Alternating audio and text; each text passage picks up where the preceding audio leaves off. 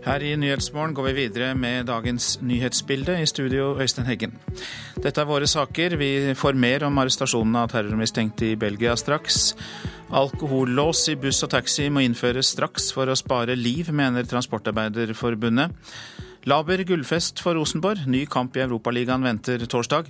Og vi skal høre om sniksymfonisering. Vakker musikk legges inn i kommentarfelter på sosiale medier som en motvekt til hatet på nettet. Som hørte i Dagsnytt, 16 personer er arrestert i antiterroraksjoner i Belgia som ble avsluttet seint i går kveld. Men eh, terrormistenkte Salah Abdeslam, den eneste overlevende terroristen fra Paris, er ikke funnet. Full alarmberedskap i nærheten av Grand Place i sentrum av Brussel seint søndag kveld. Gatene er tomme, innbyggerne holder seg innendørs. I stedet er gatene fylt av tungt væpna politi, soldater og blålys. Og seint i går kveld ble 16 personer pågrepet i en rekke antiterroraksjoner i Belgia. 19 hus i Brussel ble ransaka, og tre hus i industribyen Charleroi. To skudd skal ha blitt avfyrt, og det danske nyhetsbyrået Ritzau melder at det ikke har blitt funnet sprengstoff eller våpen i husa. Ved midnatt fortalte myndighetene og statsadvokat Erik van der Sypt om antiterroraksjonene, og at terrormistenkte Salah Abdeslam ikke er blant de pågrepne. Dermed er den eneste overlevende etter terroren i Paris fortsatt på frifot. Nå fortsetter politijakta etter han, og ifølge New York Times sier en anonym kilde tett på etterretningen at de også leiter etter åtte til ti tungt bevæpna personer.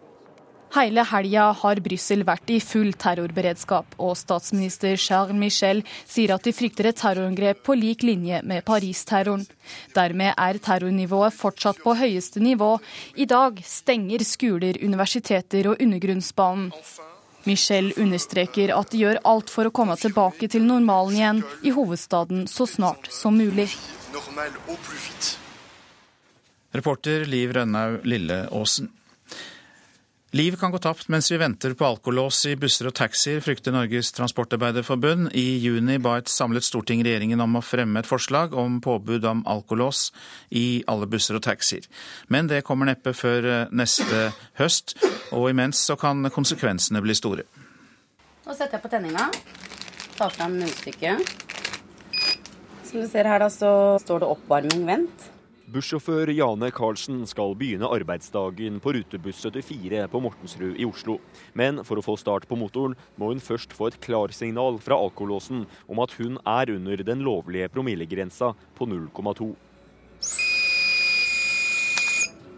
Og analyserer vent, test OK. Og da er du klar for å kjøre buss? Da er jeg klar for å kjøre buss. Og dette kan bli fast invitar for flere. Før sommeren bestemte nemlig Stortinget at regjeringen må komme med et forslag til innføring av alkolås i alle busser og taxier i løpet av høsten. Men dette blir utsatt fordi man først må finne ut av hvordan et eventuelt påbud skal gjennomføres. Geir Kvam i Transportarbeiderforbundet frykter konsekvensene i mellomtiden. Jeg liker ikke å være så veldig dramatisk, men det er klart at vi kan risikere at det skjer ulykker fordi at folk velger å sette seg på gjerdet og avvente nærmere analysene. Og akkurat det har vi ikke råd til. Det blir som å vente med å bruke sikkerhetsbeltet. Tom Cato Karlsen er statssekretær i Samferdselsdepartementet.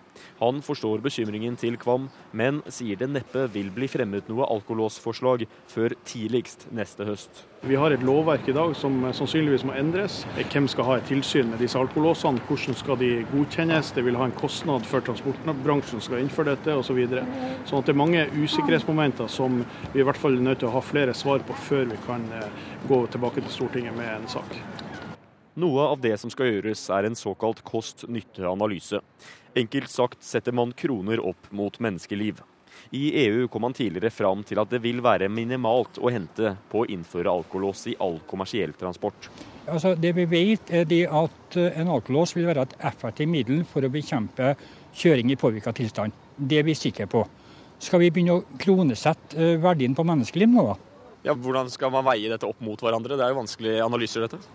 Ja, hvis man eh, skal begynne å regne krone for krone, så er det mulig det er det. Men er det sånn, er det det vi ønsker? Er er ikke sånn at ei ulykke med promillekjøring er ei ulykke for mye? Tilbake på buss 74, som nå nærmer seg Oslo sentrum. Passasjer Thea Gruttenholm sier hun føler seg trygg når hun vet at det er alkolås i bussen. Og hun er svært positiv til et eventuelt påbud. Egentlig er det rart at det ikke har vært det før, tenker jeg, når, du, når man tenker over det. For det er jo en selvfølge at kjører man på veien, så skal man ikke ha noe promille. Så, ja. Den reportasjen var laget av eh, Vegard Valestrand. Og eh, organisasjonen Frihet fra trafikkrus, eh, den eh, er du medlem av. Bjarne Eikefjord, god morgen. God morgen. Du har jobbet for å innføre alkolås i mange år. Og det du hørte her, hva syns du om at det lar vente på seg? Ja, det syns jeg er litt rart. Fordi at uh, i tillegg til det, så har jeg også vært leder av norske fagkomiteen for alkolås, som gjennom Senelec har deltatt i utviklingen av uh, det internasjonale regelverket gjennom EU, EU-kommisjonen, og som skal til EU-parlamentet. Og det er ikke bare et europeisk. Det er uh, blant annet så har den amerikanske organisasjonen som er ansvarlig for trafikksikkerhet i USA, NHTSA de utstedte i 2010 en serie med krav til alkolås. Dette har da Senelek-komiteen i EU fulgt opp, slik at det nå er harmonisering mellom Europa, USA, Canada, Sør-Afrika, Australia og New Zealand, for å nevne noen ting. Så de retningslinjene som nå er under behandling i EU, og som skal sluttgodkjennes nå i løpet av dette året eller ved årsskiftet, ja, de vil faktisk være gjeldende i, i nesten alle EU-land, Nord-Amerika, men da tydeligvis ikke i Norge. Er det noen land som har innført det? Ja. Frankrike og Finland har innført krav om alkolås i busser, og de vedtok i lovs form allerede i 2011-2012 at alle alkolås på kjøretøyer i Finland og i Frankrike skulle være sertifisert i henhold til kravene i disse Senelek-standardene. Men myndighetene i Norge de sier jo at det trengs et tilsyn, altså en ordning for å få det på plass. Og det er kostnader knyttet til det. Har du ikke da forståelse for at det kan ta noe tid å få det på plass? Ja, nå har det seg slik da at Uh, veimyndighetene i Norge de valgte å ikke være med i utviklingsarbeidet i EU uh, da de hadde muligheten til det i 2011. Uh, og alt det som da nevnes både med tilsyn, hvordan låsen skal være, kravene, tekniske krav, funksjonalitetskrav til alkolås, alt dette ligger nå i disse Senelec-dokumentene, som er grunnlaget for EUs behandling. Og det viser jo da den sluttrapporten fra EU til EU-parlamentet fra tidligere i vår. Nå sies det jo at det kanskje vil være etter hvert veldig kostbart å ha dette på alle busser og alle taxier. Spørsmålet er om man da sparer så mange menneskeliv. Bør kostnadene være helt underordnet der? Ja, nå eh, kjenner vi ikke helt igjen i beskrivelsene. Fordi at eh, i eh, et dokument som da heter Som kommer fra da Director General for Internal Policies, og som går da på utvikling av alkolås fra EU, som kom i 2014, så sies det tvert imot at til og med alle kjøretøygrupper vil det være fortjeneste å montere alkolås. Men som Geir Kvam sier, hvordan skal du beregne et menneskeliv? Vi hadde et tilfelle her tidligere i år, der et firma i Norge, bussfirma, som hadde innført alkolås, hadde en sjåfør som ble stoppa av alkolåsen før han fikk kjøre bussen. Og lederen i det busselskapet har sagt litt under hånden at det at en av hans sjåfører ble stansa for å ta en buss med mennesker ut i trafikken, det egentlig var verdt hele investeringen i alkolås i busselskapet hans. Da lar vi det være siste ord i denne omgang. Bjarne Eikefjord, mange takk. Du leder organisasjonen Frihet fra trafikkrus. Så skal jeg si litt om det avisene har på dagsordenen i dag. Et malerfirma som var med å pusse opp Norges nasjonalikon, er siktet for heleri, kan vi lese i Aftenposten. Eidsvollsbygningen er selve symbolet på respekt for loven, men det er lite som minner om det hos medlemmen av den kosovo-albanske familien som er siktet for heleri og hvitvasking, skriver avisa. Oljesektorens første gravplass skriver Dagens Næringsliv om. Lutelandet i Sunnfjord, der skal oljeplattformer skrotes. Nordsjøens skraphandlere tror lav oljepris gir flere oppdrag og skroting verdt flere milliarder kroner. Arbeidsledigheten øker, men slik får du jobb i en ny bransje. VG lister opp jobber som man kan få uten utdanning. Begravelsesagent, hjemmehjelp og postbud er noen av dem. Skatt på bolig gir økt likhet. Fall i oljepriser og mindre gjeld er oppslaget i Klassekampen. Eiendomsskatt er en god idé for bedre fordeling og mer effektiv økonomi, sier forsker Erlend Eidebø ved Statistisk sentralbyrå. Helnorsk LO-ledelse er tema i Vårt Land. Kun ett av 288 medlemmer av LOs forbundsstyrer har bakgrunn fra land utenfor Europa. Mangelen på ledere med minoritetsbakgrunn er en sykdom i Norge. Det sier Akinaton de Leon i Organisasjonen mot offentlig diskriminering. Vi er bestyrtet og sjokkert, sier bransjesjef Wenche Salthella i NHO Hordaland til Bergens Tidende.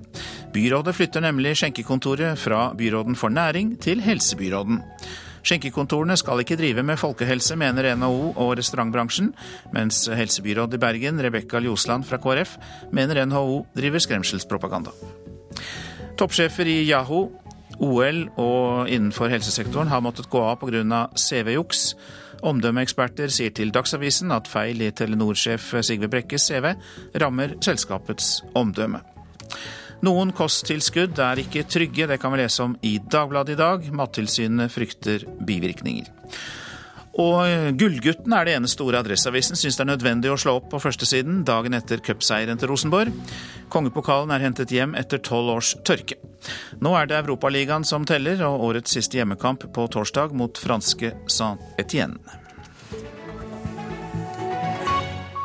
Og som vi hørte i presserunden, Rosenborg hviler ikke på laurbærene og droppet feiringen av NM-gullet da de kom hjem til Trondheim i går kveld, for sesongen er altså ikke over. Så dermed ble det en tidlig kveld på trener Kåre Ingebrigtsen. Det har ikke vært noen planer om det. Vi har kun holdt oss til en cupfinalekamp, og banketten var på Ullevål, så det er alt jeg vet. Så det må Jeg har tenkte jeg skulle hjem og legge meg nå. Så da kjenner jeg at det, det tar på. Det var en sliten, men fornøyd RBK-trener som landet på Værnes med kongepokalen under armen. Noen planer om å feire NM-gullet hadde han ikke, og dermed ble hjemkomsten til Værnes og Trondheim en stille affære for norgesmesteren, som tidligere på dagen jublet for to mål og seier over Sarpsborg 08. Og det er skåring! Der er Rosenborg i ledelsen etter 21 minutter! Og det er 2-0! Tvil om den saken! Pål André Helland og Mike Jensen skåret cupfinalens to mål på Ullevål stadion, og sistnevnte oppsummerte dagen slik etter å ha landet på Værnes. Nei, det føles godt. Uh... Velfortjent, syns jeg. Og uh, egentlig bare har vært en fantastisk sesong. Selv om The Double er i boks, er ikke sesongen over for trønderne, som torsdag tar imot Sankt Etienne i Europaligaen. Dermed var det heller ingen grunn for Ole Selnes til å ta en fest i går kveld. Jeg har ikke hørt noe om noen ting, jeg. Så det, ja, jeg har ikke hørt noe om noe torg eller noe sånt. Så det har vært artig, det. Men uh, som sagt så tror jeg det blir rett hjem, egentlig, for jeg har ikke hørt noen ting. Om stemningen var dempet i Trondheim, så var den alt annet i Sarpsborg, der supporterne tok imot sine sølvgutter i går kveld og hedret dem i hjembyen. Vet du hva, jeg er veldig fornøyd egentlig. For vi har fått beholde plassen i Eliteserien og tatt sølvet. Så vi er veldig fornøyde. Det er vi. Det sier Ellen Bjørnsen.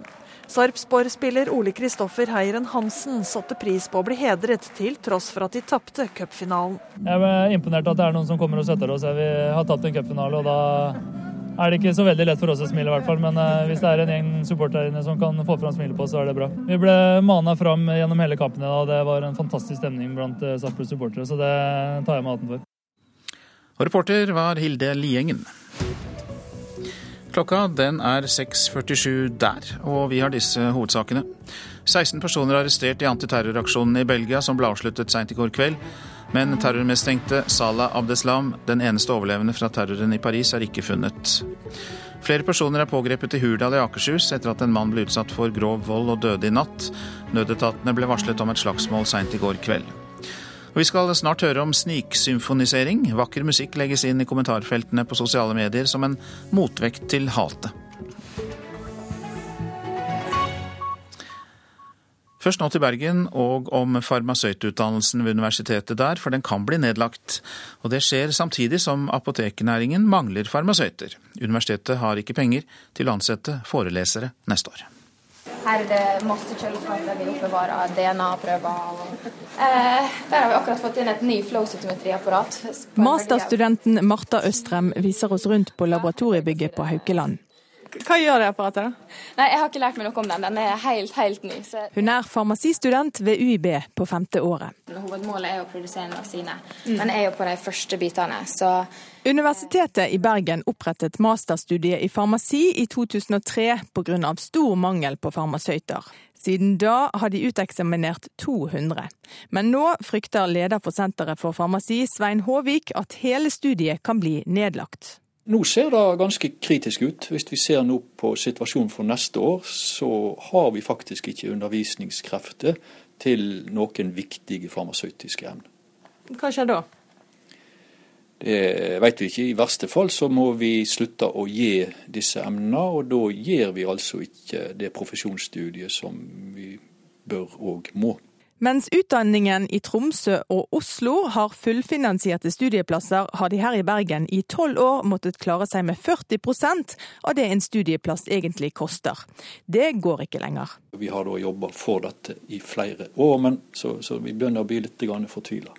I forrige uke fortalte NRK at det er så stor mangel på farmasøyter at apotek i distriktene risikerer å måtte stenge.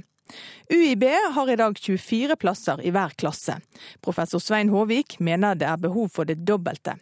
Han føler politikerne ikke forstår alvoret. Virker for så vidt når vi snakker med politikere at de skjønner at dette er interessant og viktig, men ganske typisk er det at de visste ikke om dette fagområdet og de utfordringer vi har. Altså, gjør det mye buffring og laging av forskjellige buffer og medier og, og sånne ting, for at uh, ting må jo være i riktig pH. Så vi Som farmasistudent lærer Marta Østrem mer enn å styre apotek. Hun tror farmasøyter i ulike jobber blir enda viktigere fremover. Vi har veldig lite forskning eh, og generelt lite legemiddelindustri i Norge, hvis du sammenligner veldig mange andre land. Eh, Hvorfor trenger vi det, da? Nei, det kan jo, Når oljen forsvinner, vet du, så trenger vi ny innsats. Og det er nettopp tverrfaglighet eh, som vil være basisen for næringsutvikling. Vi ser f.eks. nå i, vi har en stor næring knytta til havbruk. Eh, vi har medisin, nye medisinutfordringer, legemiddelutfordringer der, miljøutfordringer der. Det er et av de mange felt farmasøyten med sin basis både medisinsk og naturvitenskapelig kan gå inn og bidra. Reporter her, det var Mariann Reikerås. Minst 16 personer er sendt til sykehus etter at to menn skal ha skutt mot en lekeplass i New Orleans i USA. Rundt 500 mennesker var på plassen i forbindelse med innspillingen av en musikkvideo da skytingen begynte. Det har ikke kommet melding om drepte, og en politimester, Michael Harrison, i området forteller at skytingen kan være gjengrelatert. Natt til i morgen blir det klart om skuespiller Annike von der Lippe får en Emmy-pris for sin rolle som lensmann Helen Sikkeland i TV-serien Øyenvitne. Emmy er TV-bransjens svar på Oscar, og prisen deles ut i New York. Og det er tre nominerte i klassen som beste kvinnelig skuespiller.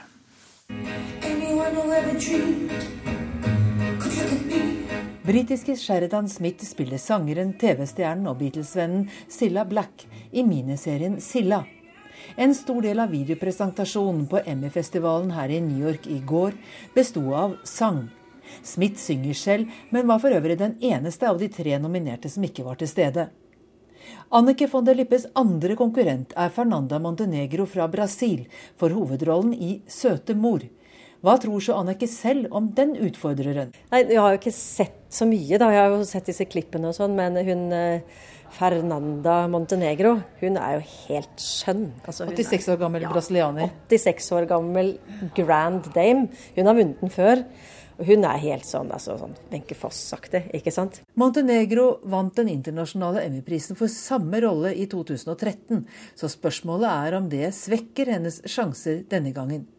Jurymedlemmene stemmer enkeltvis ved å sende sin stemme til konsulentselskapet Ernest Young for å redusere sjansen for hestehandel på bakrommet. En eventuell Emmy-pris betyr en masse ekstra oppmerksomhet, og jeg spør Annike om det eventuelt er en type rolle hun ikke har spilt før, og som hun har lyst til å gjøre. Jeg, kunne tenkt meg, altså hvis det ble sånn at jeg fikk en rolle i en amerikansk film eller noe sånt, eller en TV-serie, så hadde det vært veldig gøy. Uh, gjerne litt sånn odd karakter. Litt skrudd? Ja, litt skrudd. NRK-dramaet 'Øyevitne' ble sendt i fjor høst, og hovedpersonen er lensmannen på Mysen, Helen Sikkeland. Hun oppklarer en meget komplisert sak med en masse drap, gjengoppgjør og pedofili, samtidig som hennes egen fostersønn er involvert. Jeg spør manusforfatter og regissør Jarl Emsel Larsen om det kommer en oppfølger. Jeg tror ikke de gjør det nå. Det som er vanskelig med Dette er jo en miniserie som er avsluttet.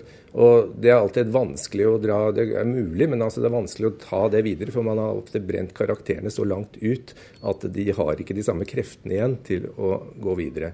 Forventer du at denne filmen, at denne serien kommer til å bli filmet her i USA med amerikanske skuespillere? Uh, ja, altså det, det, har eh, vært en del uh, interesse for det. Og, men det kan jeg ikke snakke så mye om akkurat nå, fordi det er litt hemmelig. Og en Emmy-pris her i kveld vil definitivt ikke dempe interessen for en amerikansk utgave av historien om dramaet på Mysen. Og det er USA-korrespondent Gro Holm som følger Emmy-utdelingen i New York. Dirigent Torod Vigum har startet det han kaller sniksymfonisering i sosiale medier. Vigum legger inn vakker musikk som en motvekt til hatske innlegg i nettdebatter, og mange har hivd seg på den kampanjen. Kanskje er det naivt, men det kan jo ikke skade, sier dirigenten selv. VG i går, eh, det er jo en sak om eh, meningsmåling. Nå går jo Fremskrittspartiet fram, og så går eh, statsminister Folke refser Erna. og så Her kommer det jo mye kommentarer nedover, da. Så lot jeg da um, Leif Ove Ansnes få kommentere, da. Det er min kommentar til den saken. Det er noe som jeg kaller for sniksymfonisering. Torodd Vigum har startet en kampanje på sosiale medier innimellom jobben som dirigent. Vigum, som i helgen var i Stavanger for å spille med byens symfoniorkester og Bjørn Eidsvåg, vil rett og slett lure inn litt vakker musikk i kommentarfeltene på nettet. Merket med hashtag eller emneknagg 'sniksymfonisering'.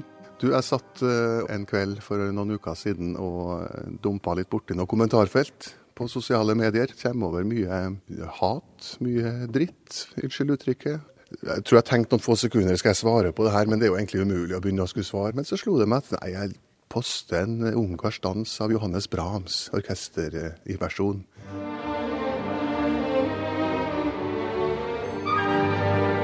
Bare som en motvekt, altså få inn noe vakkert, få inn noe fint. Et annet sted jeg la ut, så var det en som mente at uh, Knut Arild Hareide og, Trine Skei Grande var landssvikere, f.eks. Der uh, la jeg inn en vakker italiensk operarie. Og syns, det, syns ikke de fortjener det.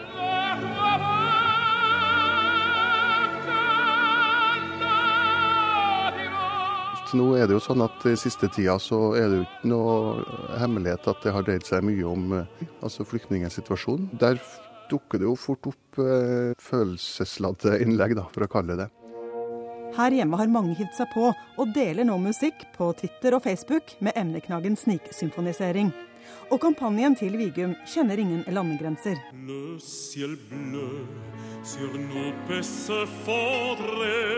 Det er jo ett språk som alle forstår, det er jo musikken. Så da, det heter for sneak symphonization på engelsk, da. Noen vil kanskje si at det er fryktelig naivt, dette her? Ja, det er det sikkert òg. Men jeg tror jo på det gode og det vakre, da. Og så minst like viktig er jo at uh, får spredt uh, litt av den fine, vakre symfoniske musikken som finnes, da. Reporter her, det var Anette Johansen Espeland. Værvarselet nå. Fjellet i Sør-Norge får oppholdsvær i dag, men enkelte snøbyger lengst nord. Utpå ettermiddagen økende til sørvestlig stiv kuling utsatte steder, og da kommer det også snø, men mest i vestlige områder av fjellet. Østland og Telemark tilskyende og oppholdsvær. Agder får også oppholdsvær. Fra ettermiddag så, eller fra i kveld så blir det liten kuling på kysten. Etter hvert også litt regn, vesentlig da i Vest-Agder, og snø over 500 meter. Så går vi til Rogaland, som får oppholdsvær. Fra ettermiddag regn riktignok, og snø over 300 eh, meter. I kveld sørvest liten kuling i Rogaland. Hordaland og Sogn og Fjordane ser vi samlet. Sørlig liten kuling, sterk kuling på kysten nord for eh, Florø. Enkelte snøbyger. Fra i ettermiddag sørlig stiv kuling og liten storm blir det nord for Florø. Det blir overgang til regn etter hvert, men snø i indre strøk og i høyereliggende strøk.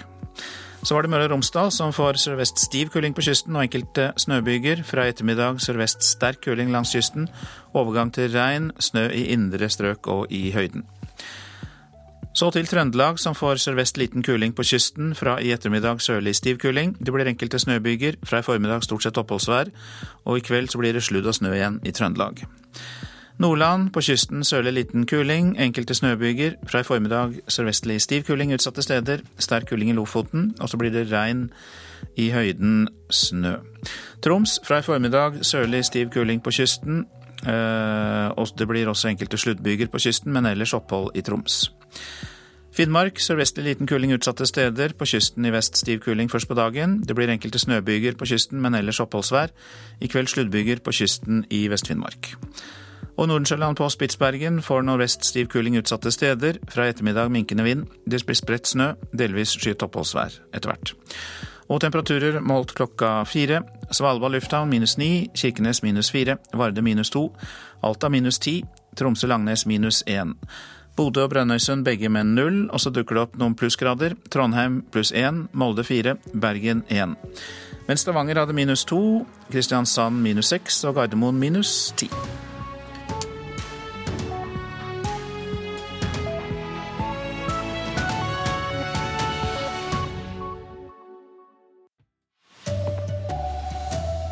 Seksten personer er arrestert i antiterroraksjon i Belgia. Brussel er fortsatt i høy beredskap. Og alkolås må innføres straks i buss for å redde liv, mener forbund. Her er NRK Dagsnytt klokken sju ved Turi Grønbekk. Belgisk politi har ransaket 22 hus i en større antiterroraksjon. 16 personer er arrestert. Full alarmberedskap i nærheten av Grand Plass i sentrum av Brussel seint søndag kveld. Gatene er tomme, innbyggerne holder seg innendørs. I stedet er gatene fylt av tungt væpna politi, soldater og blålys. Og seint i går kveld ble 16 personer pågrepet i en rekke antiterroraksjoner i Belgia. 19 hus i Brussel ble ransaka, og tre hus i industribyen Charleroi. To skudd skal ha blitt avfyrt, og det danske nyhetsbyrået Ritzau melder at det ikke har blitt funnet sprengstoff eller våpen i husa. Ved midnatt fortalte myndighetene og statsadvokat Erik van der Sypt om antiterroraksjonene, og at terrormistenkte Salah Abdeslam ikke er blant de pågrepne. Dermed er den eneste overlevende etter terroren i Paris fortsatt på frifot. Nå fortsetter politijakta etter han, og ifølge New York Times sier en anonym kilde tett på etterretningen at de også leiter etter åtte til ti tungt bevæpna personer. Det sa reporter Liv Rønnaug Lilleålsen. Folk kan dø mens man venter på et påbud om alkolås i busser og taxier. Det frykter Norges Transportarbeiderforbund. I sommer ba et samlet storting regjeringen om å fremme et forslag om påbud av alkolås i alle busser og drosjer. Politikerne forventet forslaget i løpet av høsten, men det vil neppe komme før neste høst.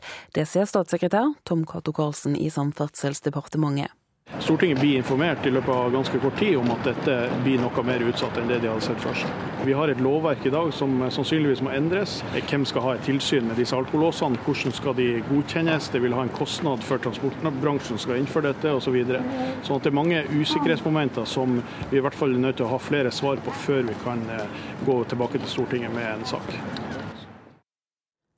Politiet har det siste døgnet revet ned nynazistiske plakater i Arendal, Grimstad, Lillesand og Kristiansand. Det skriver Agderposten.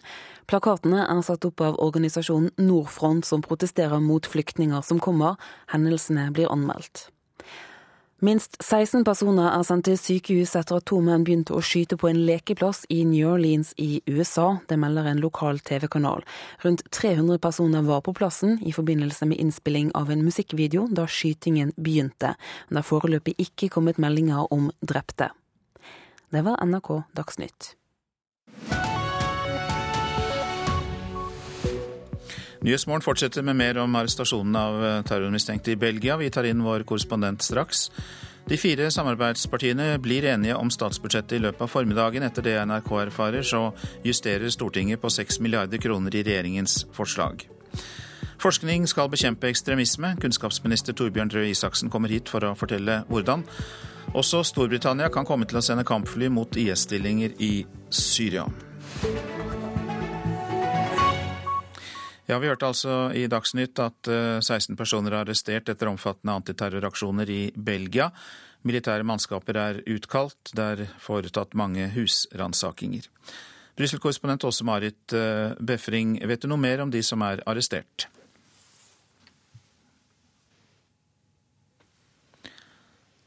Der var det litt dårlig forbindelse. Vi prøver igjen. Eh, vet du noe mer om de som er arrestert i Belgia?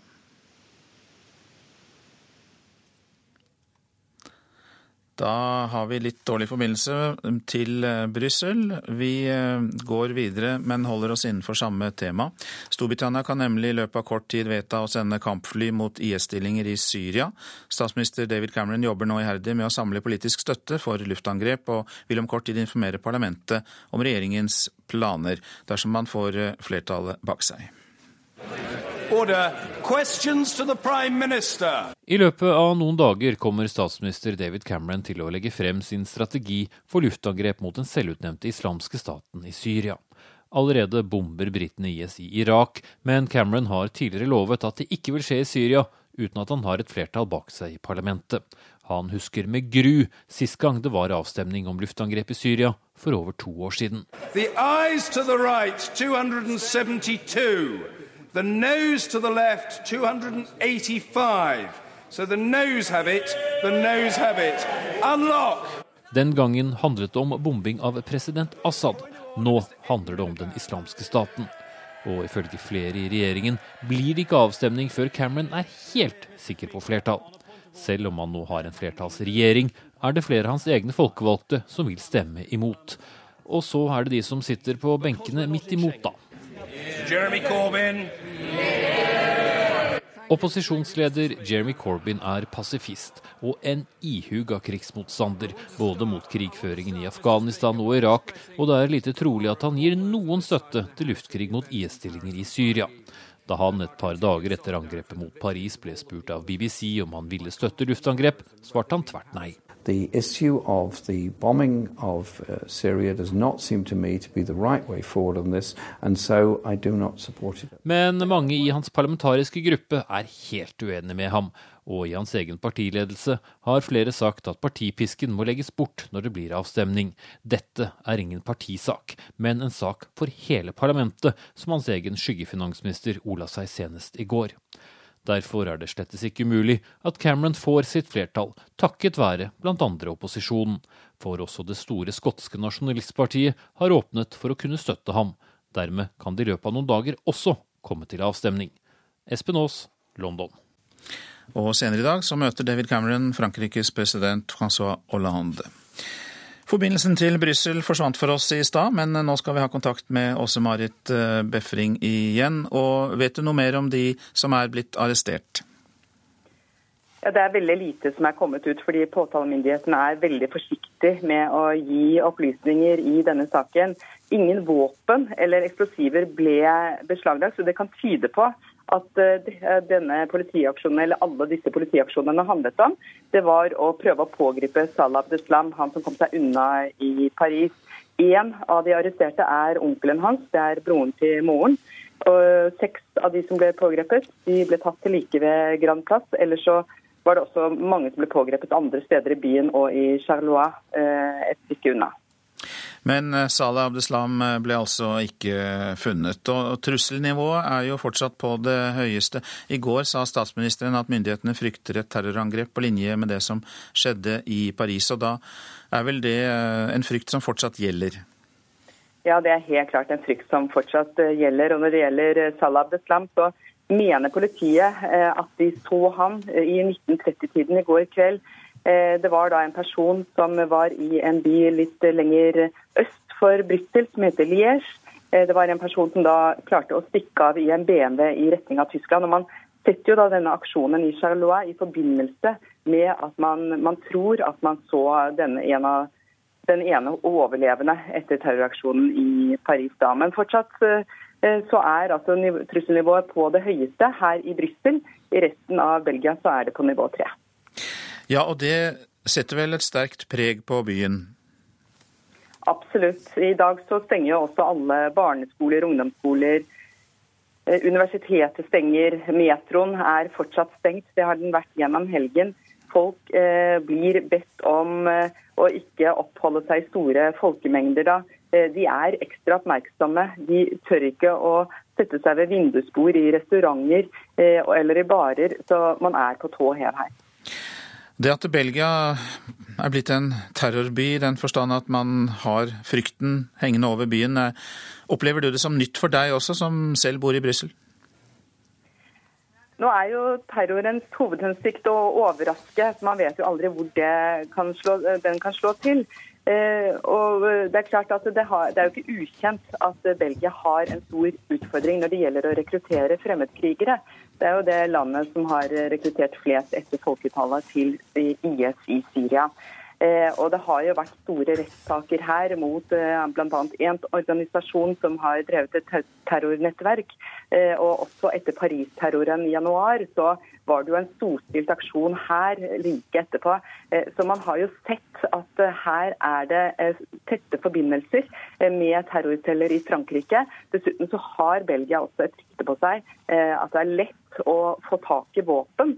Eh, og våpen som ble brukt bl.a. i terroren i januar, eh, var skaffet her i Belgia. Så Man har altså et land med store utfordringer eh, når det gjelder å få kontroll på islamistmiljøer. Mange takk skal du ha, Brussel-korrespondent Åse Marit Befring. Nå om eh, forskning om eh, høyreekstremisme. Forskningsrådet bevilger 50 millioner kroner til Universitetet i Oslo, som skal opprette et nytt forskningssenter, ledet av eh, terrorforsker Tore Bjørgo. Og velkommen til deg, kunnskapsminister Torbjørn Røe Isaksen. Tusen takk. Hva er bakgrunnen for at det bevilges såpass mye penger til dette? Bakgrunnen for det er tragedien og angrepet 22.07. Eh, og den ekstreme ideologien og holdningen som lå bak det angrepet. Eh, hvor vi da så at vi hadde et behov for å vite mer om ekstremisme generelt, men også høyreekstremisme mer spesifikt. Så er dette senter som også da kan bruke sin kunnskap til å få mer informasjon og mer eh, opplysninger og kunnskap om høyre, eller, altså ekstremisme generelt, ikke bare spesifikt høyreekstremisme. Ja, for er høyreekstremisme et stort problem i Norge i dag? Altså, Høyreekstremisme er og blir et problem. og Det PST bl.a. sier når de eh, presenterer sine offentlige sikkerhetstrusler, er at i kjølvannet av uroligheter, eh, terror, eh, økt innvandring, så frykter de også at høyreekstremismen vil bli sterkere. Og så vet vi jo det at uansett hvordan man vrir og vender på det, så er den største terroraksjonen på norsk jord var det en som hadde klare høyreekstreme sympatier som sto bak. I en artikkel i Morgenbladet sist helg så skriver du om ekstremisme og om å forstå den. De kraft, den kraften som i virkeligheten former verden, kommer fra følelser, rasestolthet, lederdyrkelse, religiøs tro, kjærlighet til krigen, skriver du. Hvorfor er det viktig å forstå disse tingene bedre for å bekjempe ekstremisme? Ja, nå er det viktig å si at det var George Orwell, forfatteren, som skrev dette, men jeg siterer George Orwell. Okay. Eh, Nei, eh, mitt, mitt poeng med, med denne artikkelen var at uh, vi må ikke være naive og tro at de som i dag har latt seg rekruttere til terrorbevegelser og ekstreme bevegelser, vil, uh, vil la seg overbevise av våre fornuftige argumenter. Uh, så det er ikke slik at vi kan bare øke kunnskapsnivået vårt og så automatisk bekjempe f.eks. en terrororganisasjon som ISIL. Men samtidig så er det jo sånn at vi, har, vi, har også, vi utkjemper også et slag her hjemme. Og det slaget utkjempes inni hodene, i sinnet til hver eneste innbygger i dette landet. Og det er noe av den beredskapen vi nå styrker, både gjennom dette senteret mot høyreekstremisme, men også gjennom å rulle ut undervisningsopplegg norske skole, hvor man skal rett og slett diskutere og praktisere demokrati. Forstå at en del av demokratiet er at du kan være ekstremt uenig med naboen din, men du har en mekanisme for å løse det fredelig. Det vil ikke på kort sikt bekjempe ekstremisme eller ekstreme bevegelser som truer oss i dag, men det er i hvert fall med på å legge grunnlaget for at demokratiet kan være tryggere. Men er du ikke redd for at eh, du kan få noen uh, dårlige virkninger av å bruke kanskje følelser og stolthet, altså følelser mer enn det rent cerebrale, det intellektuelle, i kampen mot ekstremisme? Jo, men nå er jo ikke, nå er det, må du skille da, nå er det ikke sånn at eh, det vi skal gjøre er å uh, bare bruke følelser i kampen mot ekstremisme. Men det er klart at uh, følelsen også er viktig for et demokratisk samfunn. Eh, F.eks. Hver, hver eneste vår så samles vi uavhengig av hvor vi bor og uavhengig av hvor vi kommer fra, uavhengig av hvor foreldrene våre kommer fra, og veiver norske flagg i gatene. Da tror jeg det er flere enn meg som føler at eh, det er noe av det beste ved Norge. At det binder oss sammen. At det gjør at vi er ett land og én nasjon, uavhengig av hva slags hudfarge, religion eller etnisitet vi har. Det er også en viktig beredskap mot eh, ekstremistene og de voldelige ideologiene. Og Avslutningsvis så forstår jeg det slik på deg, kunnskapsminister, at du ønsker at det forskningssenteret som etableres nå på Universitetet i Oslo, kunnskapen der skal da nedover i systemet og få betydning og innflytelse på skoleverket for øvrig? Ja, jeg syns vi skal bruke denne kunnskapen på samme måte som vi har brukt kunnskap om ekstremisme og antisemittisme som vi allerede har. Det har vi gjort gjennom at f.eks. Holocaust-senteret, Wergeland-senteret eh, lager undervisningsopplegg til skolen som er med på å sikre, eller i hvert fall berede alle elevene på det å bli demokratiske samfunnsborgere. Vi er nødt til å rett og slett godta at i et samfunn et demokratisk samfunn så er vi nødt til å diskutere, vi er nødt til å konfrontere. Vi er nødt til å forstå at meningsytringer og forskjellige meninger er en del av demokratiet. Og Da er vi også nødt til å bruke de arenaene vi kan, og forske på det og finne ut mer. Mange takk. Torbjørn Røe Isaksen, vår kunnskapsminister som eh, var innom Nyhetsmorgen. Og her passerte klokka nettopp kvart over sju. Dette er hovedsaker. 16 personer er arrestert etter omfattende antiterroraksjoner i Belgia. Militære mannskaper er utkalt, og det er fortsatt mange husransakinger. Det er fortsatt høyeste terrorberedskap i uh, Brussel. Etter det NRK erfarer, justerer Stortinget på rundt 6 milliarder kroner av regjeringens budsjett. Kutt i bistand skal være omtrent halvert i forhold til det Høyre og Frp ønsket. Partene møtes igjen klokka åtte. Og vi skal høre at eh, Saudi-Arabia får mer oppmerksomhet etter angrepene i Paris. Ja, De fire samarbeidspartiene skal altså bli enige om statsbudsjettet. Etter det NRK erfarer, så har Venstre og KrF klart å flytte på rundt 6 milliarder, som vi hørte. Og kutt i bistand blir eh, mindre. Vi må bruke tiden eh, godt utover eh, natten, i hvert fall på vår side, og det vil sikkert de andre også gjøre. Sa Høyres finanspolitiske talsmann Svein Flåtten etter det siste forhandlingsmøtet på Stortinget i går kveld. I store deler av helgen har Frp og Høyre sittet sammen med støttepartiene Venstre og KrF for å bli enige om neste års budsjett. Og de er snart i mål, ifølge FrPs finanspolitiske talsperson Hans Andreas Limi. Vi ser vel at vi har konturene av en enighet uh, nå. Etter det NRK erfarer, justerer Stortinget på rundt 6 milliarder kroner av regjeringens budsjettforslag, dersom man ser på både utgiftsøkninger og skatteendringer. Dette er noe av innholdet. For å finansiere asyltilstrømningen ønsket Høyre og Frp å kutte bistanden med 4,3 milliarder kroner. Det kuttet blir på kun 1,8 milliarder. Ordningen med gratis kjernetid i barnehager for fire- og femåringer utvides til også å omfatte treåringene. Fra høsten neste år utvides ordningen med tidlig innsats i småskolen, slik at det blir to lærere i klasserommet for elevene fra første til fjerde klasse. Og en av FrPs viktigste fanesaker, at pensjonen til gifte og samboende pensjonister i mindre grad skal avkortes, blir gjennomført. Om en liten time er det duket for nye møter i Stortinget, ifølge KrFs Hans Olav Syversen. Vi møtes klokka åtte, og det er jo fordi vi da mener at vi er kommet et eh, godt stykke videre innen det. Og så eh, har vi jo tar vi hensyn til de som jobber om natta, så det ikke trenger å jobbe hele natta. I Høyre har forhandlerne fullmakter fra partiet. KrF, Venstre og Frp legger budsjettforslaget frem for sine stortingsgrupper i løpet av formiddagen. FrPs Limi har derfor et lite forbehold. Det som da blir den endelige avtalen, eh, er en avtale med forbehold om at den godkjennes i gruppen. Den siste fristen de fire partiene har satt for å bli enige, er klokken tolv. Og reporter her, David Krekling og Fredrik Lauritzen. Og du er kommet eh, til studio, politisk kommentator Lars Nehru Sand. Det virker jo da som partene er på oppløpssiden, kan vi si. Eh, er det et kompromiss, det vi hørte her, omtrent som forventet? Ja, bortsett fra at jeg tror også regjeringen er overrasket over hvor mye penger man måtte ut med, og hvor langt inne dette har sittet. Fordi eh, det har vært eh, krevende forhandlinger, men, men også det at man ender med å eh, flytte på så mye penger på både skatt og utgiftsopplegg, betyr at regjeringen har strukket seg lenger enn man både ønsket og, og ville. Hva har vært mest vrient? Men nå, denne helgen her så er det jo helt klart eh, spørsmålet om klimagassutslippsreduksjon. Eh, og det handler ikke bare om, om, penger, men om reell politisk tro på hva som fungerer.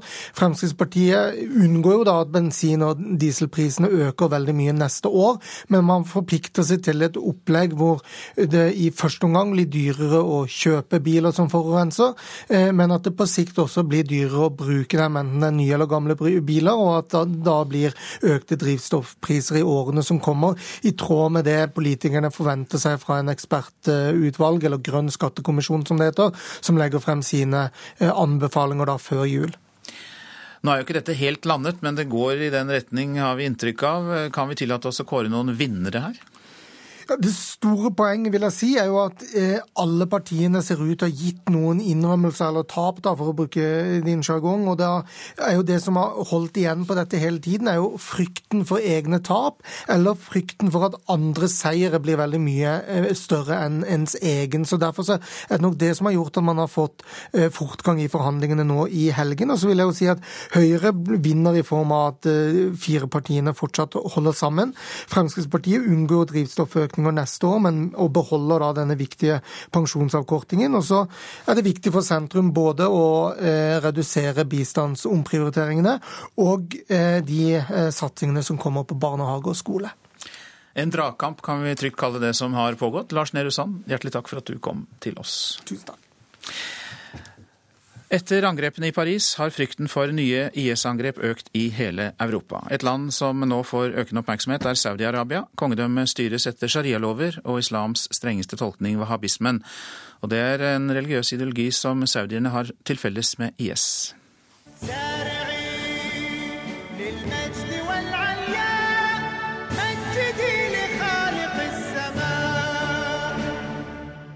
Lovpris himmelens skaper Allah er stor. Dette er Saudi-Arabias nasjonalsang, en religiøs hymne til kongen, fedrelandet og muslimene, altså sunnimuslimene. Kongedømmet som huser Mekka og Medina, balanserer på en knivsegg mellom hensynet til vestlige allierte og troskap til islams mest konservative retning, wahhabismen, også kalt salafismen. Det begynte på 1700-tallet med den skriftlærde Mohammed Abed al-Wahhab. Han mislikte de osmanske og egyptiske overklassepilegrimene som strømmet til Mekka. Han mente de var overfladiske bedragere og ikke rettroende muslimer.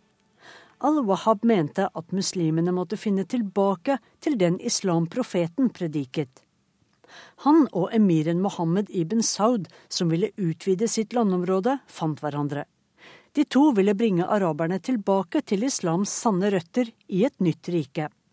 I 1744 inngikk de en pakt. Den ble opprettholdt da etterkommeren Abdel Aziz ibn Saud grunnla det moderne Saudi-Arabia i 1932. Saudi-Arabias statsreligion bygger på den samme ideologien som IS eller Daesh dyrker, om enn i en langt mer brutal versjon.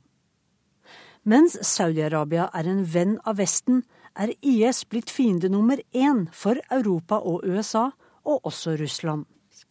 Den algeriske skribenten og forfatteren Kamel Daoud gjorde seg følgende tanker i New York Times denne helgen. Svarte Daesh, hvite Daesh. Den første halshugger, dreper, steiner, hogger av hender, ødelegger menneskehetens felles arv og forakter arkeologi, kvinner og ikke-muslimer. Den andre, den hvite Daesh, kler seg mer elegant, men gjør de samme tingene den islamske staten og Saudi-Arabia. I sin kamp mot terrorisme går Vesten til krig mot den ene, den første, men håndhilser villig på den andre, skriver Daoud. Vi skal ødelegge IS, slår president Obama fast. Saudi-Arabia tok offisielt avstand fra IS-angrepene mot Paris. Men samtidig sender saudiarabiske privatpersoner penger til IS, mens regimet ser en annen vei. Al Qaida fant sin ideologiske næring i salafismen. Det samme tankesettet driver terrornettverket IS. Disse fundamentalistiske salafistene hater kongefamilien al-Saud for deres korrupsjon, overdådige livsstil og bånd til ikke-muslimske land. Så lenge det går, balanserer kongefamilien mellom sine vestlige venner og sin pakt med salafistene. Sissel Wold hadde laget den eh, reportasjen. Så var det presserunden vår og det avisene har på dagsorden. Et malerfirma som var med og pusset opp Norges nasjonalikon, er siktet for helleri, kan vi lese i Aftenposten. Eidsvollsbygningen er selve symbolet på respekt for loven, men det er lite som minner om det hos medlemmene av den kosovalbanske familien som er siktet for helleri og hvitvasking, skriver avisa. Oljesektorens første gravplass, skriver Dagens Næringsliv om lutelandet i Sunnfjord. Der skal oljeplattformer skrotes. Nordsjøens skraphandlere tror lav oljepris gir flere oppdrag og skroting verdt flere milliarder kroner. Arbeidsledigheten øker, men slik får du jobb i ny bransje. VG lister opp jobber der man kan jobbe uten utdanning. Begravelsesagent, hjemmehjelp og postbud er noen av dem. Skatt på bolig gir økt likhet, fall i boligpriser og mindre gjeld, er oppslaget i Klassekampen. Eiendomsskatt er en god idé for bedre fordeling og en mer effektiv økonomi, sier forsker Erlend Eide Bø ved Statistisk sentralbyrå. Helnorsk LO-ledelse er tema i Vårt Land. Kun ett av 288 medlemmer av LOs forbundsstyrer har bakgrunn fra land utenfor Europa. Mangel på ledere med minoritetsbakgrunn er en sykdom i Norge, sier Akhenaton de Leon i Organisasjonen mot offentlig diskriminering. Vi er bestyrtet og sjokkert, sier bransjesjef Wenche Salthella i NHO Hordaland til Bergens Tidende. Byrådet flytter nemlig skjenkekontoret fra byråden for næring til helsebyråden. Skjenkekontorene skal ikke drive med folkehelse, mener NHO og restaurantbransjen, mens helsebyrådet i Bergen, Rebekka Ljosland fra KrF, mener NHO driver skremselspropaganda. Toppsjefer i Yahoo, OL og innen helsesektoren har måttet gå av pga. CV-juks. Omdømmeeksperter sier til Dagsavisen at feil i Telenor-sjef Sigve Brekkes CV rammer selskapets omdømme.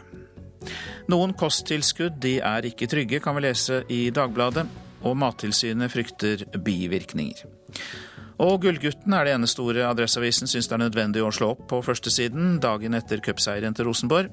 Kongepokalen er hentet hjem etter tolv års tørke. Nå er det Europaligaen som teller, og årets siste hjemmekamp på torsdag mot franske Saint-Étienne.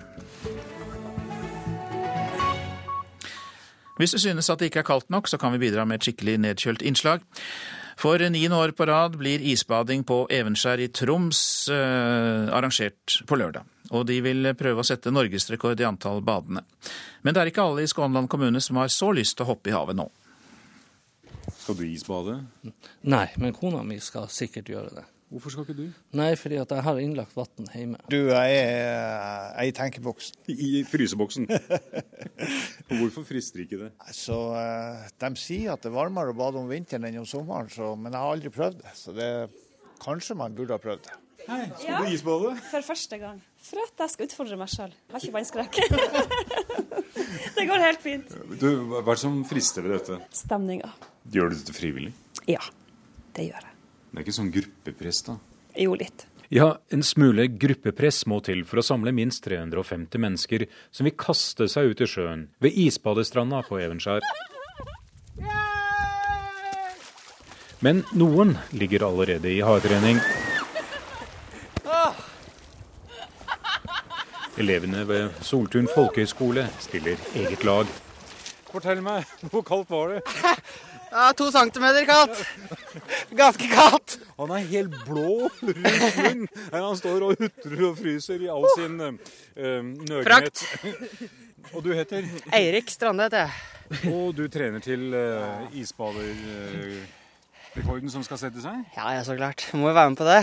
Det er ikke så kaldt ute her. Jo, det er det. det er ganske kaldt. En annen som har utstyr i orden, er rådmannen Torbjørn Simonsen. Du kan komme og se på badedrakten min. Å, få se. Så her ser du rådmannen sin eh, spesialsydde Den er grå og masse stjerner med sløyfe. Ja. Sløyfe og dollartegn, selvfølgelig. Den skjuler det meste? Ja, det gjør det. det, gjør det. Ja. Mm. Det er altså en heldekkende drakt. Eh, rekker ned til lårene, ermene ned til albuen. Ja. Tre knapper. Det er fin, den. Den er ikke engang optimistisk i passformen. det er sånn one size fits all. jeg tenkte jeg skulle ha litt klær på meg, i hvert fall. Men kanskje ikke ha på klærne. Sier Bente Johnsen, en av damene som står bak galskapen med isbading. Spørsmålet er om de klarer å mønstre over 350 i badeklær lørdag 5.12. Det var 320 eh, på Tjuvholmen, men det var jo i sånn brakkvann sørpå. Så nå må vi eh, få ordentlig rekord i Nord-Norge her på Evenskjær. Reporter der, det var Nils Meren. Du lytter til Nyhetsmorgen. Produsent Marit Selmer Nedrelid. Her i studio, Øystein Heggen. Reportasjen etter Dagsnytt er viet Tysklands tidligere forbundskansler Helmut Schmidt, som døde i forrige uke, 96 år gammel. Han begraves i dag. Og I Politisk kvarter blir det debatt om regjeringens sykehusplaner mellom Høyre og eh, samarbeidspartiene.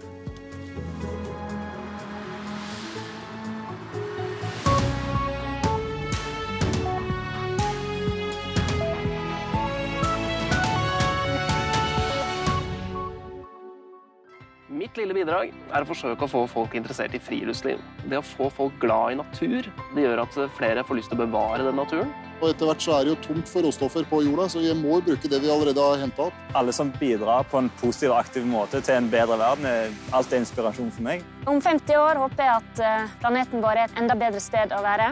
De som mener at eh, enkeltmenneskets innsats ikke har noen eh, påvirkningskraft, de lytter ikke jeg til. Jeg har sikkert 15 gensere, og da syns jeg ikke jeg trenger en 16. genser. Det er viktig å ta vare på miljøet fordi det er liksom jorda vår. Hva skjer med klimaet på jorda vår? Hva gjør vi med det? NRK Klima.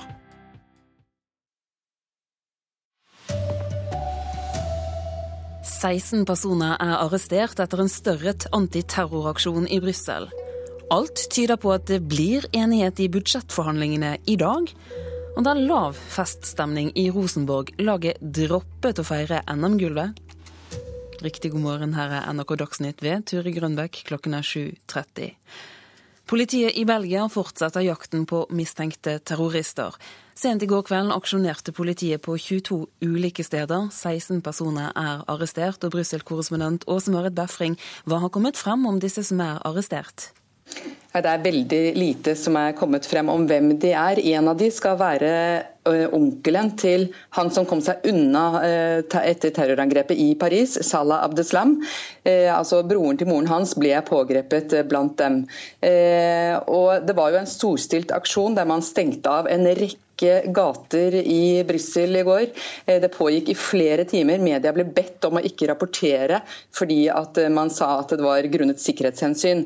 Hvem som var mål for denne aksjonen er usikkert, men man lurer jo litt når det ikke ble beslaglagt noen eksplosiver på noen av disse stedene, ingen våpen. Det kan tyde på at den denne aksjonen var rettet mot, var nettopp å fange Salah Abdeslam.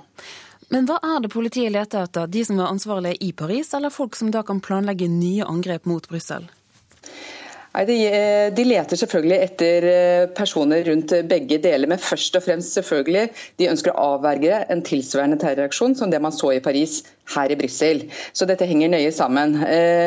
Men nettopp fordi at man da har en antatt attentatsmann gående løs, mest sannsynlig i Belgia, så ønsker man selvfølgelig å få tatt han så fort som mulig, også for å avverge en ny terroraksjon. Han ble trolig sett i går. I Liège kom seg unna i en BMW. Politiet startet en jakt. Man gikk også til aksjon i Charlois, en by litt lenger sør i Belgia. og Trolig var det også for å prøve å pågripe Abdeslam.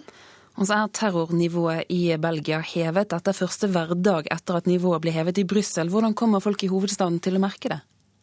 De kommer til å merke det på alle mulige måter, fordi det er masse politi, masse soldater i gatene, også stridsvogner og andre, altså militære kjøretøy. Eh, I tillegg så er altså alle skolene stengt i Brussel. Barneskoler, ungdomsskoler, videregående. Universitetet er stengt. Eh, også metroen er stengt. Eh, folk blir bedt om å oppføre seg som normalt, men selvfølgelig, det er mye frykt i Brussel nå. Takk skal du ha, Åse Marit Befring. Vi skal hjem igjen, for eh, de fire samarbeidspartiene blir enige om statsbudsjettet i løpet av formiddagen. Etter det NRK forstår, har eh, Venstre og Kristelig Folkeparti klart å flytte på rundt 6 milliarder kroner av regjeringens opprinnelige budsjettforslag. Kuttet i bistanden blir mye mindre enn det Høyre og Fremskrittspartiet ønsket.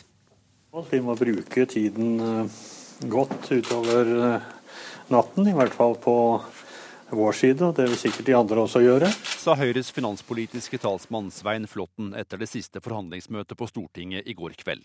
I store deler av helgen har Frp og Høyre sittet sammen med støttepartiene Venstre og KrF for å bli enige om neste års budsjett. Og de er snart i mål, ifølge FrPs finanspolitiske talsperson Hans Andreas Limi. Vi ser vel at vi har konturene av en enighet eh, nå. Etter det NRK erfarer, justerer Stortinget på rundt 6 milliarder kroner av regjeringens budsjettforslag, dersom man ser på både utgiftsøkninger og skatteendringer. Dette er noe av innholdet. For å finansiere asyltilstrømningen ønsket Høyre og Frp å kutte bistanden med 4,3 milliarder kroner. Det kuttet blir på kun 1,8 milliarder. Ordningen med gratis kjernetid i barnehager for fire- og femåringer utvides til også å omfatte treåringene. Fra høsten neste år utvides ordningen med tidlig innsats i småskolen, slik at det blir to lærere i klasserommet for elevene fra første til fjerde klasse. Og en av FrPs viktigste fanesaker, at pensjonen til gifte og samboende pensjonister i mindre grad skal avkortes, blir gjennomført. Om en liten halvtime er det duket for nye møter i Stortinget, ifølge KrFs Hans Olav Syversen. Vi møtes klokka åtte, og det er jo fordi vi da mener at vi er kommet et eh, godt stykke videre innen det. Reportere David Krekling og Fredrik Lauritzen. Og politisk kommentator Lars Nehru Sand, hvor langt inne satt dette budsjettet? Dette er den mest krevende politiske prosessen som Erna Solberg sitt regjeringsprosjekt har vært gjennom siden eh, høsten 2013. Det viser at ordningen med samarbeidsavtalen, som jo er helt ny, er eh, veldig dyr i drift når man forhandler to ganger, en gang innad i regjeringen og en gang på Stortinget, eh, fordi regjeringen har måttet legge mye mer penger på bordet enn, man så for seg. Hva, hvilke saker er det som har gjort at det har tatt så lang tid? Det er først og fremst eh, bistandspolitikken og den grønne profilen som vi har hørt om i innslaget, kanskje veiavgiftene spesielt. Det blir ikke dyrere drivstoff neste år, men vil altså bli det på sikt. Men hva slags budsjett blir, det, blir dette, da? Det blir et budsjett som øker de offentlige utgiftene ytterligere, fordi det har vært eh, politisk nødvendig som en aktiv livshjelp for regjeringen Solberg. Får vi se deg i løpet av formiddagen. Takk skal du ha, Lars Nøre Sand. Det blir mer om budsjettinnspurten i Politisk kvarter på NRK P2 og Alltid nyheter nå like etter Dagsnytt. Flere personer er pågrepet i Hurdal på Romerike etter at en mann ble utsatt for grov vold og døde i natt. Nødetatene ble varslet om et slagsmål sent i går kveld, forteller politiadvokat Camilla Eek Sørensen. Det jeg kan si er at uh, Sent søndag kveld så ble politiet kontaktet uh, om en voldsepisode på en privatadresse i Hurdal. Uh, og Det skal være flere personer involvert. En av de involverte han var såpass hardt skadd at han døde kort tid etter at nødetatene kom til stedet. Og På bakgrunn av det så har politiet iverksatt etterforskning og arbeider nå med både tekniske og taktiske etterforskningsskritt, bl.a. i form av kriminaltekniske undersøkelser. Videre er det foretatt eh, flere pågripelser i saken. Eh, de pågrepede er siktet for grov kroppsskade med døden til følge. Og De siktede er av litauisk opprinnelse, mens fornærmede er estisk statsborger. Folk kan dø mens man venter på et påbud om alkolås i busser og taxier. Det frykter Norges Transportarbeiderforbund. I sommer ba et samlet storting regjeringen om å fremme et forslag om påbud av alkolås, og politikerne de forventet forslaget i løpet av høsten. Men forslaget det kommer neppe før neste høst, ifølge Samferdselsdepartementet. Nå setter jeg på tenninga, tar fram munnstykket. Som du ser her, da, så står det 'oppvarming vent'. Bussjåfør Jane Karlsen skal begynne arbeidsdagen på rutebuss 74 på Mortensrud i Oslo. Men for å få start på motoren, må hun først få et klarsignal fra alkolåsen om at hun er under den lovlige promillegrensa på 0,2. Og analyserer med en OK. Og da er du klar for å kjøre buss? Da er jeg klar for å kjøre buss. Og dette kan bli fast invitar for flere. Før sommeren bestemte nemlig Stortinget at regjeringen må komme med et forslag til innføring av alkolås i alle busser og taxier i løpet av høsten. Men dette blir utsatt fordi man først må finne ut av hvordan et eventuelt påbud skal gjennomføres. Geir Kvam i Transportarbeiderforbundet frykter konsekvensene i mellomtiden. Jeg liker ikke å være så veldig dramatisk, men det er klart at vi kan risikere at det skjer ulykker fordi at folk velger å sette seg på gjerdet og avvente nærmere analysene. Og akkurat det har vi ikke råd til. Det blir som å vente med å bruke sikkerhetsbeltet. det. Tom Cato Karlsen er statssekretær i Samferdselsdepartementet. Han forstår bekymringen til Kvam, men sier det neppe vil bli fremmet noe alkolåsforslag før tidligst neste høst. Vi har et lovverk i dag som sannsynligvis må endres. Hvem skal ha et tilsyn med disse alkolåsene? Hvordan skal de godkjennes? Det vil ha en kostnad for transportbransjen skal innføre dette osv. Så videre. sånn det er mange usikkerhetsmomenter som vi i hvert fall er nødt til å ha flere svar på før vi kan eh, gå tilbake til Stortinget med en sak. Reporter Vegard Valestrand. Norgesmester i fotball Rosenborg droppet feiringen av NM-gullet da de kom hjem til Trondheim i går kveld. Trønderne tok sitt første NM-gull på tolv år, men det var ikke nok til å få trønderne i feststemning. Selv om The Double er i boks, er ikke sesongen over for trønderne, som torsdag tar imot Sankt Etienne i Europaligaen. Dermed var det heller ingen grunn for Ole Selnes til å ta en fest i går kveld. Jeg har ikke hørt noe om noen ting, jeg. Så det, ja, jeg har ikke hørt noe om noe torg eller noe sånt. Så det har vært artig, det. Men uh, som sagt så tror jeg det blir rett hjem, egentlig, for jeg har ikke hørt noen ting. Om stemningen var dempet i Trondheim, så var den alt annet i Sarpsborg, der supporterne tok imot sine sølvgutter i går kveld og hedret dem i hjembyen. Vet du hva, jeg er veldig fornøyd egentlig. For vi har fått beholde plassen i Eliteserien og tatt sølvet. Så vi er veldig fornøyde. Det er vi. Det sier Ellen Bjørnsen. Sarpsborg-spiller Ole Kristoffer Heiren Hansen satte pris på å bli hedret, til tross for at de tapte cupfinalen. Jeg er imponert at det er noen som kommer og støtter oss. Vi har tatt en cupfinale, og da er det ikke så veldig lett for oss å smile, i hvert fall. Men eh, hvis det er en gjeng supportere som kan få fram smilet på så er det bra. Vi ble mana fram gjennom hele kampene, og det var en fantastisk stemning blant eh, Sarpsborg supportere. Så det tar jeg meg hatten for. Reporter Hillelie Liengen, ansvarlig for Dagsnytt, var Erlend Rønneberg.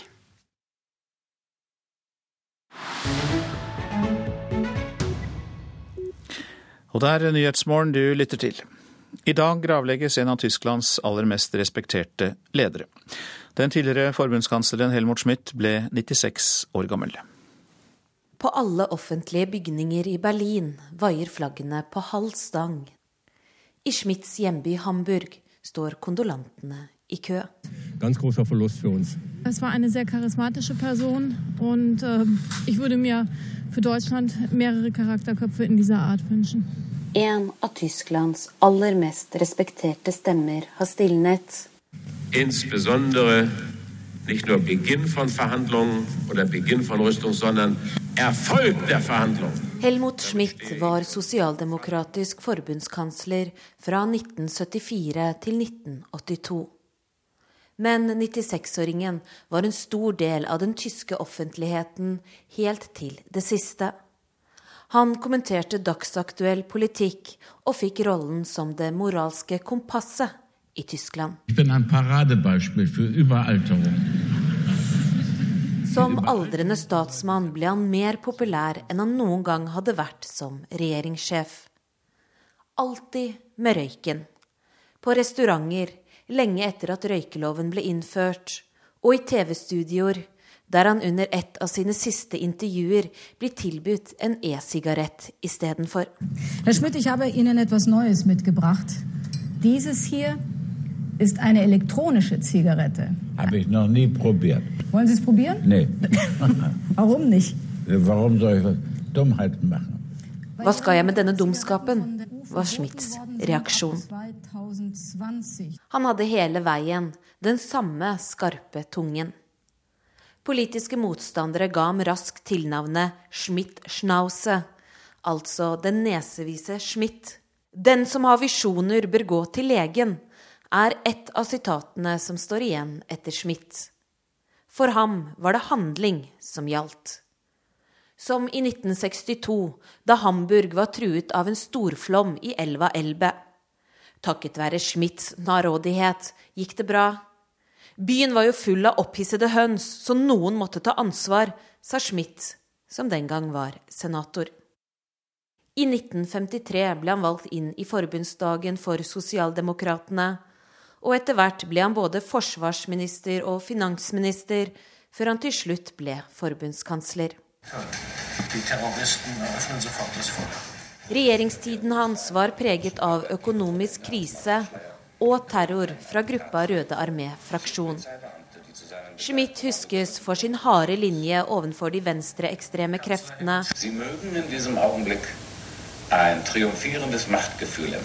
Han støttet det omstridte dobbeltvedtaket i Nato i 1979, som handlet om å utplassere nye atomraketter i Vest-Europa som en reaksjon på Sovjetunionens opprustning under den kalde krigen.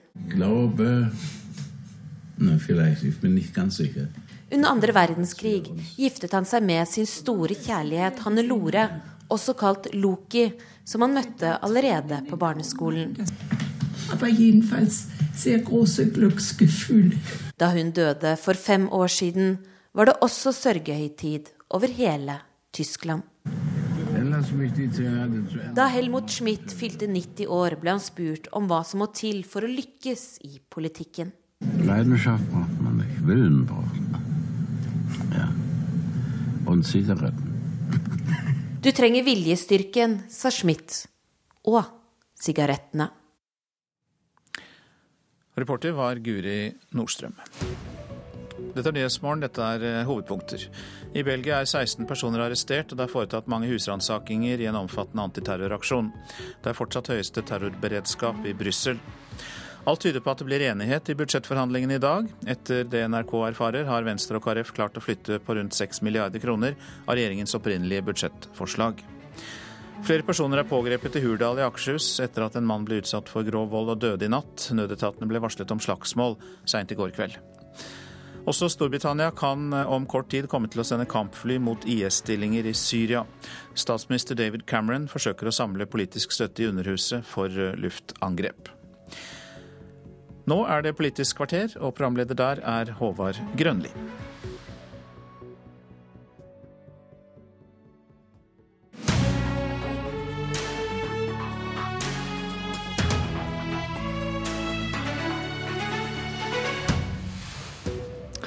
Budsjettforhandlingene straks i mål. Politisk kvarter har lista over hva de har kommet fram til. Det mest akutte i norsk helsesektor er ikke at fem lokalsykehus kan miste akuttkirurgien sin, sier Venstres representant i denne debatten.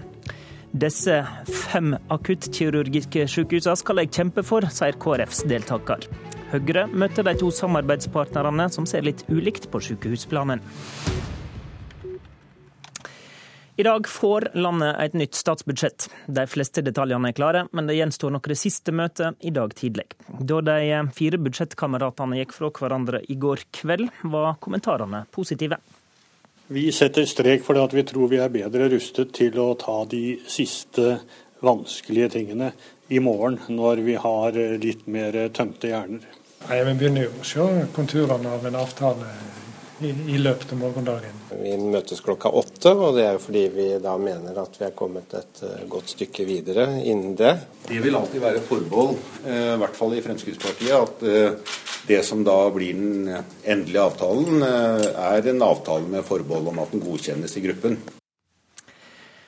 Dette var representanter for de fire samarbeidspartiene i går kveld. Eh, politisk kommentator Lars Nehru Sand, du har fulgt budsjettprosessen hele veien. og Selv om FrPs forhandler Hans Andreas Limi sier at det alltid er et forbehold om hva stortingsgruppene sier, særlig i Frp, så er det vel ingen tvil om at dette kommer i mål nå? Nei, Nå er det kun de formalitetene Limi sikter til som eh, gjenstår. Partigruppene har jo også for så vidt vært orientert hele veien og kommer nok til å være eh, beskjeden fornøyd med det de får, eh, får, se nå i formiddag. Og så skal dette inn i Stortingets datasystemer før klokken tolv, og så blir det presentert for pressen i løpet av dagen. Og når Frp går til gruppa si, da, hva er det Limi har å selge inn som FrPs seier etter dette? Det som jeg har forstått har vært nærmest et ultimatum for Frp, er jo at det ikke ikke skal øke vesentlig drivstoffavgiftene for neste år. Det skjer heller ikke, men Frp har måttet forplikte seg til å gå med på et opplegg eh, som eh, bl.a. også vil komme som anbefaling fra Grønn skattekommisjon senere denne måneden, som gjør at man, det blir dyrere å både kjøpe og bruke bil eh, på sikt, mens det neste år gjøres mest endringer i de engangsavgiftene man betaler ved anskaffelse, ikke drivstoffavgiftene man, man eh, bruker holdt på å si, hver, hver, dag eller når man bruker bilen. Da.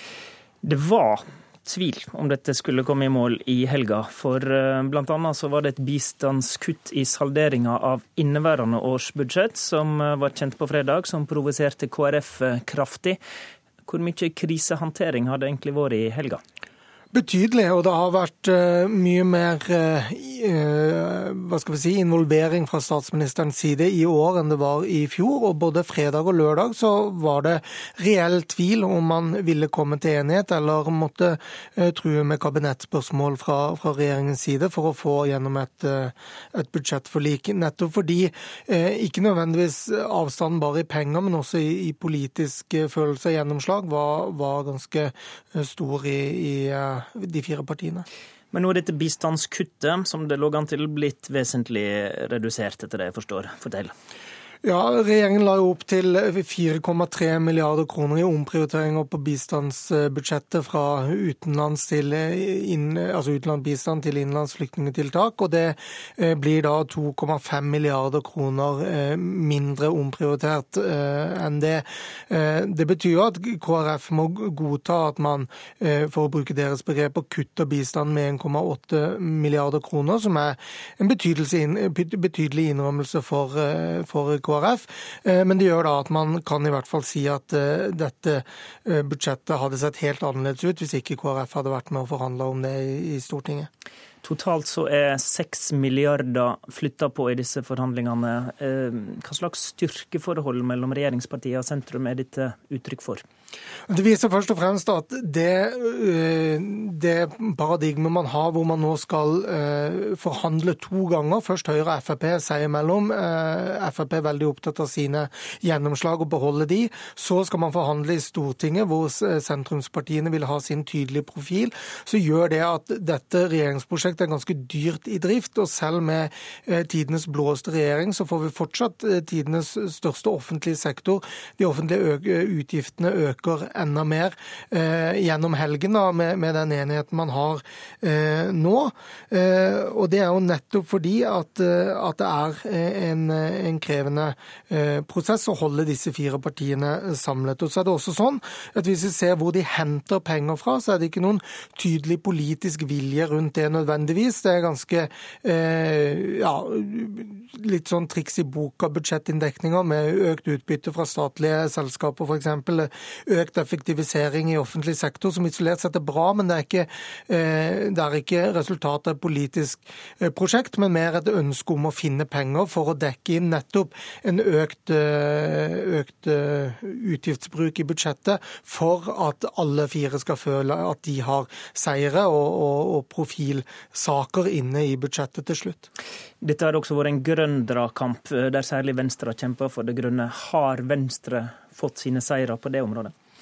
Ja, Nå må Venstre måtte svare på om det blir eh, kraftige reduksjoner i klimagassutslippene målt i tonn, men de har i hvert fall fått gjennomslag for viktige prinsipper i avgiftspolitikken på sikt eh, ved å eh, nær sagt binde Frp til den masten. Detaljene fra aktørene får vi i løpet av dagen. Takk til deg, politisk kommentator Lars Nehru Sand.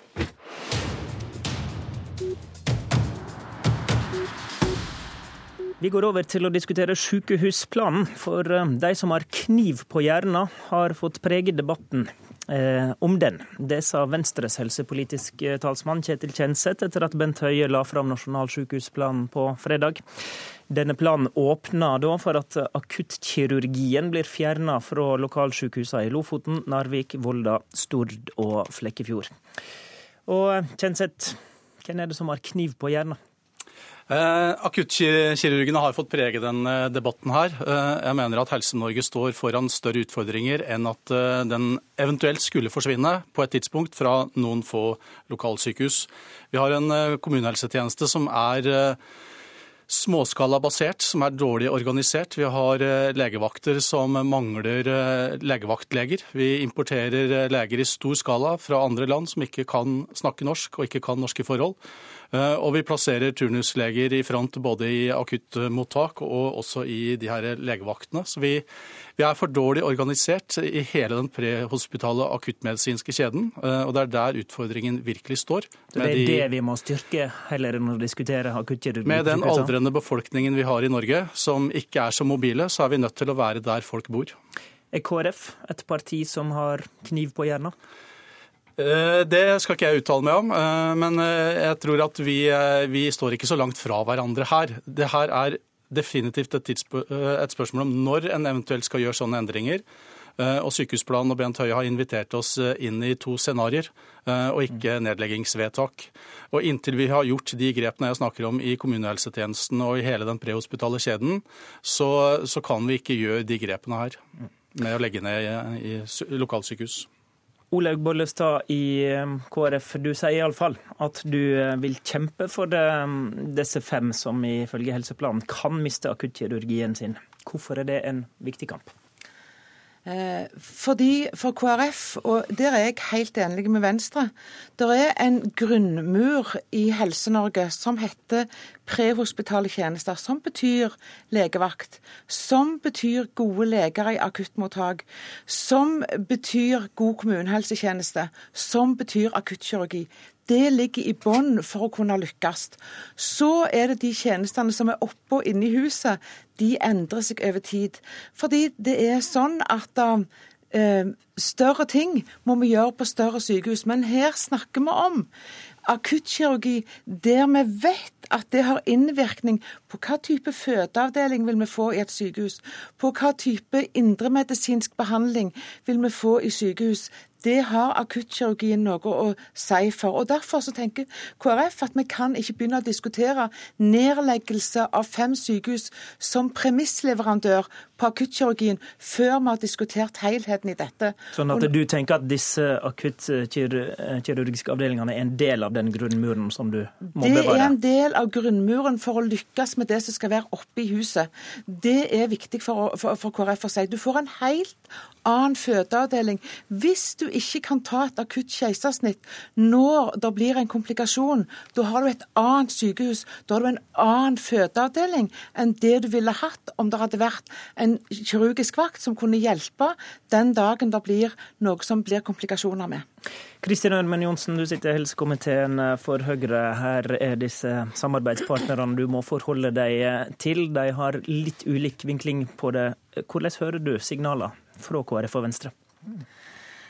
Nei, Det jeg hører, det er at uh, i store trekk er egentlig tilslutning til at vi har nødt til å ha en nasjonal helse- og sykehusplan. Vi har en sykehusstruktur i dag fra 1950-tallet. Det har skjedd mye innen medisinsk utvikling, og ikke minst også befolkningsstruktur. Og det jeg hører, det er at eh, vi først og fremst må ruste opp akuttmottakene med større og bredere kompetanse, og det legger jo denne meldingen eh, også opp til. Hvert sykehus må jo nå også utvikle kompetanseplaner. Det har vi ikke. Vi må utnytte IKT bedre i sykehusene. Og så må vi kunne desentralisere kompetanse, men også ha gode men så sier, Så sier Bollestad her at hun vil kjempe for å bevare disse, eh, disse akuttkirurgiavdelingene ved de fem sykehusene, som hun mener er en viktig del av grunnmuren. Hva svarer du da? Er det en kamp hun kan vinne med den planen dere har lagt fram? Nå er det jo sånn at uh, Først uh, skal man jo se på hvordan de uh, prehospitale tjenestene skal organiseres. Dvs. Si, hvordan skal ambulanse, fly, uh, båt eh, organiseres rundt det enkelte sykehus. Så du er enig med Kjenseth at det må en strukturere før en eventuelt legger ned? Det er vi absolutt nødt til å gjøre, og vi har nødt til å se på også befolkningsstrukturen. Og vi er også nødt til å se på hvor i Norge dette er. Det er veldig forskjell her på Østlandet, hvor det er vel en 40 minutter mellom sykehus, enn det er f.eks. i, i Nord-Norge andre steder av landet. Men det er en del ting som må være på plass før man begynner å se på hvordan man skal rigge sykehusene til. Bollestad, hva hører du nå? Jeg hører at vi er enige om at det er viktig og vi ønsker velkommen en helse- og sykehusplan. Men for KrF, når vi snakker om det, så snakker vi om en helhet i helse- og sykehusplan.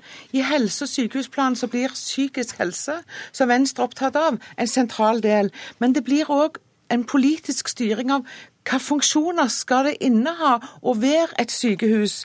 Hva slags kompetanse vil vi trenge over tid? Hvor må vi ha investeringer for å oppgradere og vedlikeholde. Hvor kommer nybyggene henne? Hvordan må vi rigge vår utdanning både på prehospitale tjenester, på ulike og andre måter å operere på? Hva oppgaver får kommunene?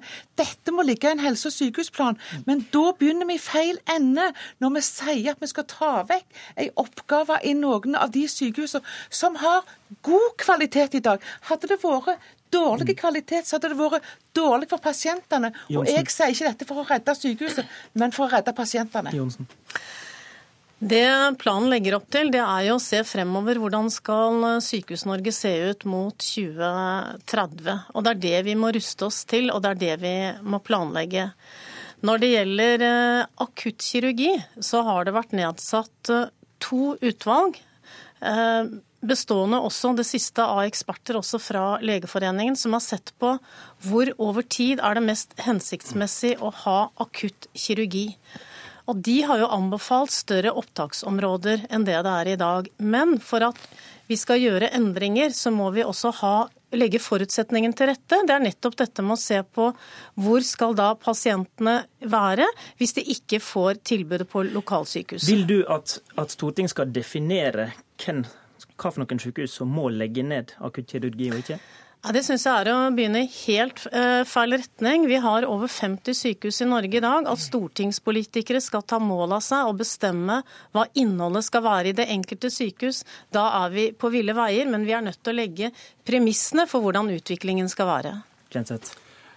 Ja, Vi diskuterer jo eh, i liten grad eh, strukturen i Finnmark og, og Troms her. og Det syns jeg vi skal ta inn over oss. Eh, der har de jobba mye med den distriktsmedisinske kompetansen, og strukturert og organisert. og Det må også resten av Norge lære av. Det er det ene. Det andre er, som Bollestad sier, altså vi er nødt til å investere også i den eh, kommunale helsetjenesten. De investeringsmidlene der de finnes ikke i dag. og Derfor så er vi nå i en situasjon hvor, hvor styrene i helseforetakene investerer store midler, og så, og så blir uh, førstelinja glemt. Debatten er i gang. Takk til Kjenseth, Bollestad og Johnsen. I studio, Håvard Grønli.